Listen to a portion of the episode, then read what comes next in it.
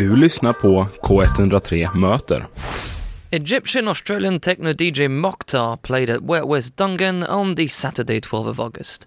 K103 had the luxury to meet Moktar hours before his set. Needless to say, he was very thrilled to be in Sweden. It's actually amazing to be here. Um, it's my first time in Sweden, and I think it's beautiful.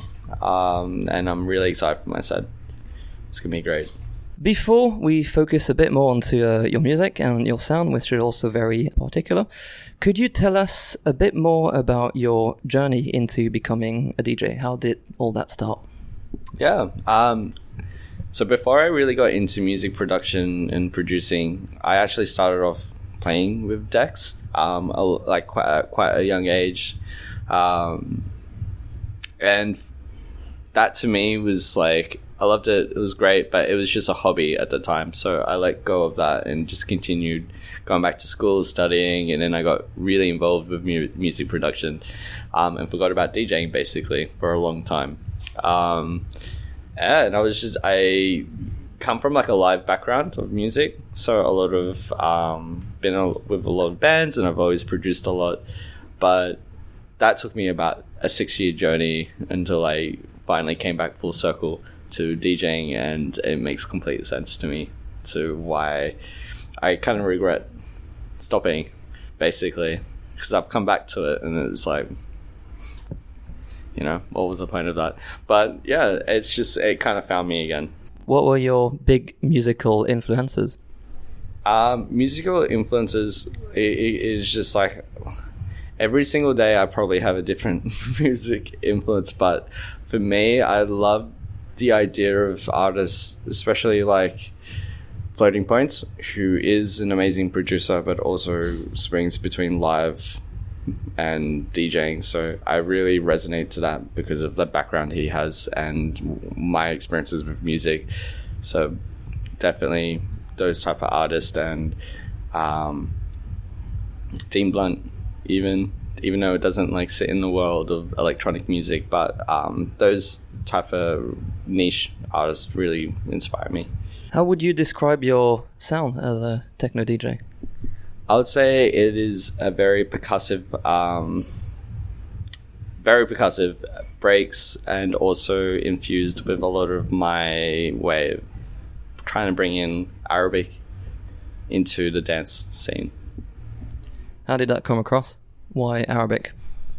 That's because um, that came across because I my culture, I would um, like grow up being Egyptian, so I'm everything about me and everything I do and say and my whole life has just been you know representing who I am, even if I'm not realizing it. But um, it's important for me to be able to share that as well. And uh, I used to be actually quite um, embarrassed for being Egyptian. So being able to show that off and even being in Sweden to be able to do that is like, you know, it's like I get a lot of pleasure from that.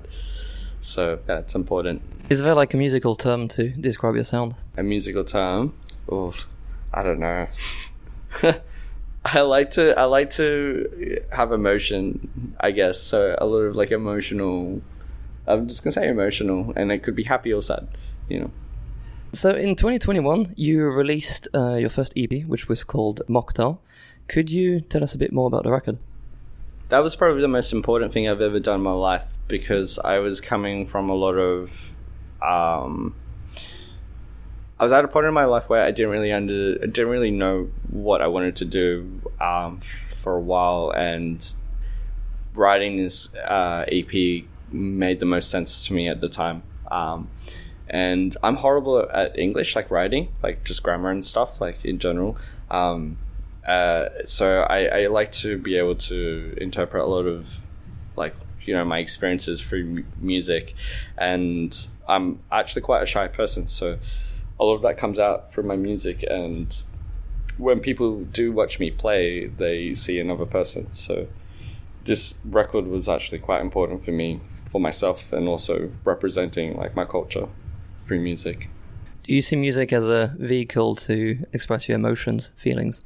yeah definitely I think it's it's definitely a, it's a gateway f- for a lot of artists to be able to you know express like themselves without sometimes being you know I feel like a lot of our artists are misinterpreted a, a lot of the times.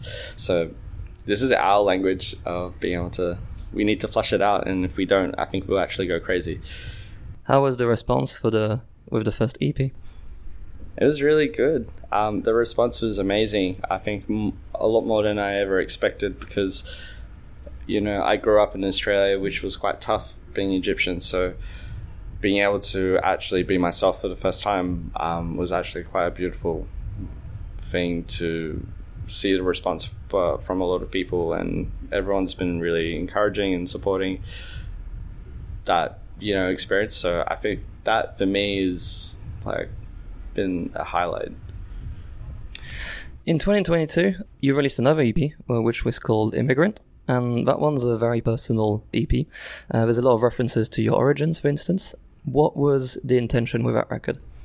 Yeah, I think it's just like stemming stemming back from like the first EP. I think I still wanted that whole representation of like I'm Egyptian, but also um, wanted to take my music slightly somewhere else as well.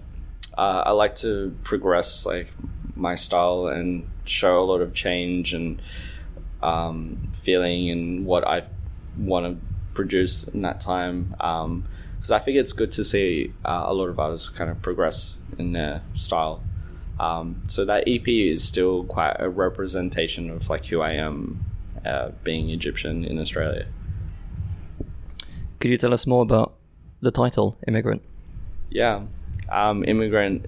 Um, I have a lot of friends who who've come from all over the world in Europe, um, or the Middle East, or in Asia, in Australia. It's a very multicultural place. So this record was a representation uh, for a lot of people, and not just me in that sense. But I wanted to, um, yeah, shed a lot of light into a lot of immigrants who live in Australia, or whether it's anywhere else. You could, you know, if they're from Sweden and they're from Iran or wherever. Like, you know, I, I think it's it was it was a track to, you know, for people like that.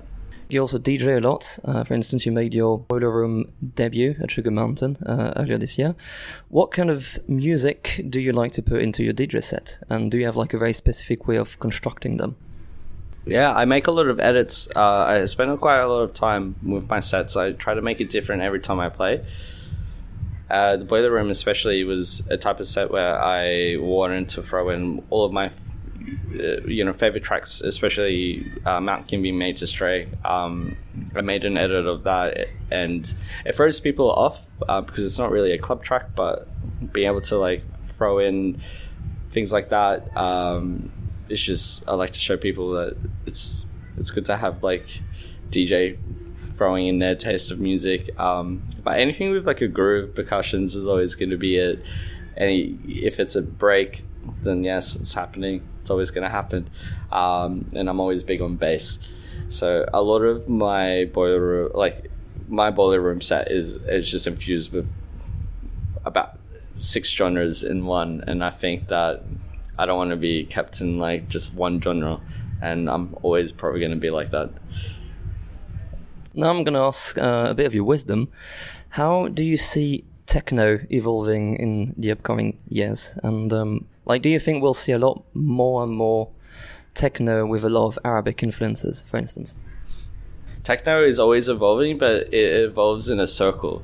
So you know, if you can go back to a lot of like the Detroit or Chicago house, like, and then how like techno evolved from that, like, everyone's kind of comes back to it, you know. So I think that even though that was happening 20 or 25 years ago and people are remaking it um, and maybe adding their own style into it whether it's like some random like vocal cuts or maybe just like adding some extra like new sounds um, it's always going to keep evolving but it's always going to be slightly you know it's always going to be techno in that sense but arabic is probably at its peak at the moment um, i would say it's crazy to see. I never really expected it, but I think a lot of DJs who represent like uh, DJ Nooriyah at the moment, who's just a massive figure for the Middle East. So as long as we have people like that, and even DJ Snake, who's quite commercial for me, but he is someone who does push it.